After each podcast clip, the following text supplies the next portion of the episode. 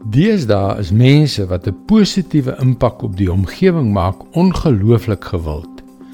Maar kan dit wees dat die hedendaagse sterk kultus ons 'n verdreide siening van diegene wat werklik 'n diepgaande verskil maak gegee het? Hallo, ek is Jockey Gouchee vir Bernie Diamond en welkom weer by Vars. Dink aan enige belangrike persoon in die geskiedenis wat 'n kragtige positiewe verskil in hierdie wêreld gemaak het.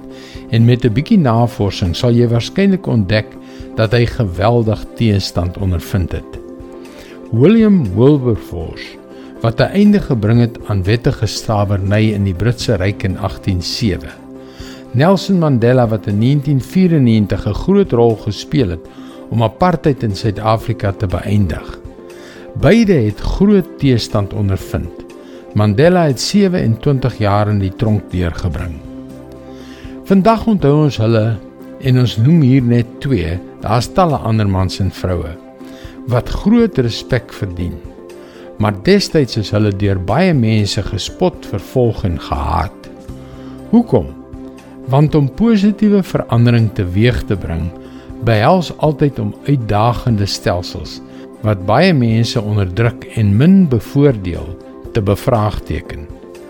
Wat laat ons dink dat Jesus gewild was?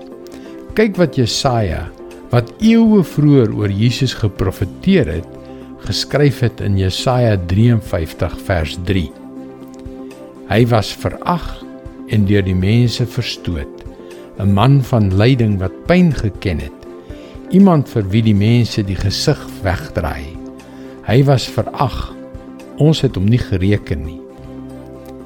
En dit is presies wat gebeur het. Hy is gearresteer, gespot en geslaan. Die skare het uitgeroep: "Kruisig hom!"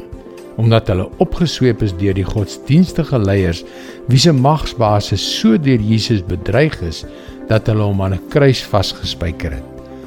Dink jy dat Jesus vandag meer gewild sou gewees het as wat hy destyds was of dat die dinge wat hy gesê en geleer het vandag meer populêr sou gewees het?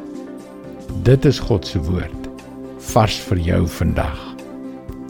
Nee, Jesus gaan nooit in hierdie wêreld universeel gewild wees nie. Maar hy het soveel in die vooruitsig vir jou. Gaan gerus na ons webwerf varsvandag.co.za om in te skryf om daaglikse vars boodskappe in jou e-posbus te ontvang. Wanneer jy inskryf, kan jy ook die gratis e-boek Standvastig in onseker tye ontvang. Luister weer môre na jou gunstelingstasie vir nog 'n boodskap van Bernie Diamond. Seënwense en mooi loop.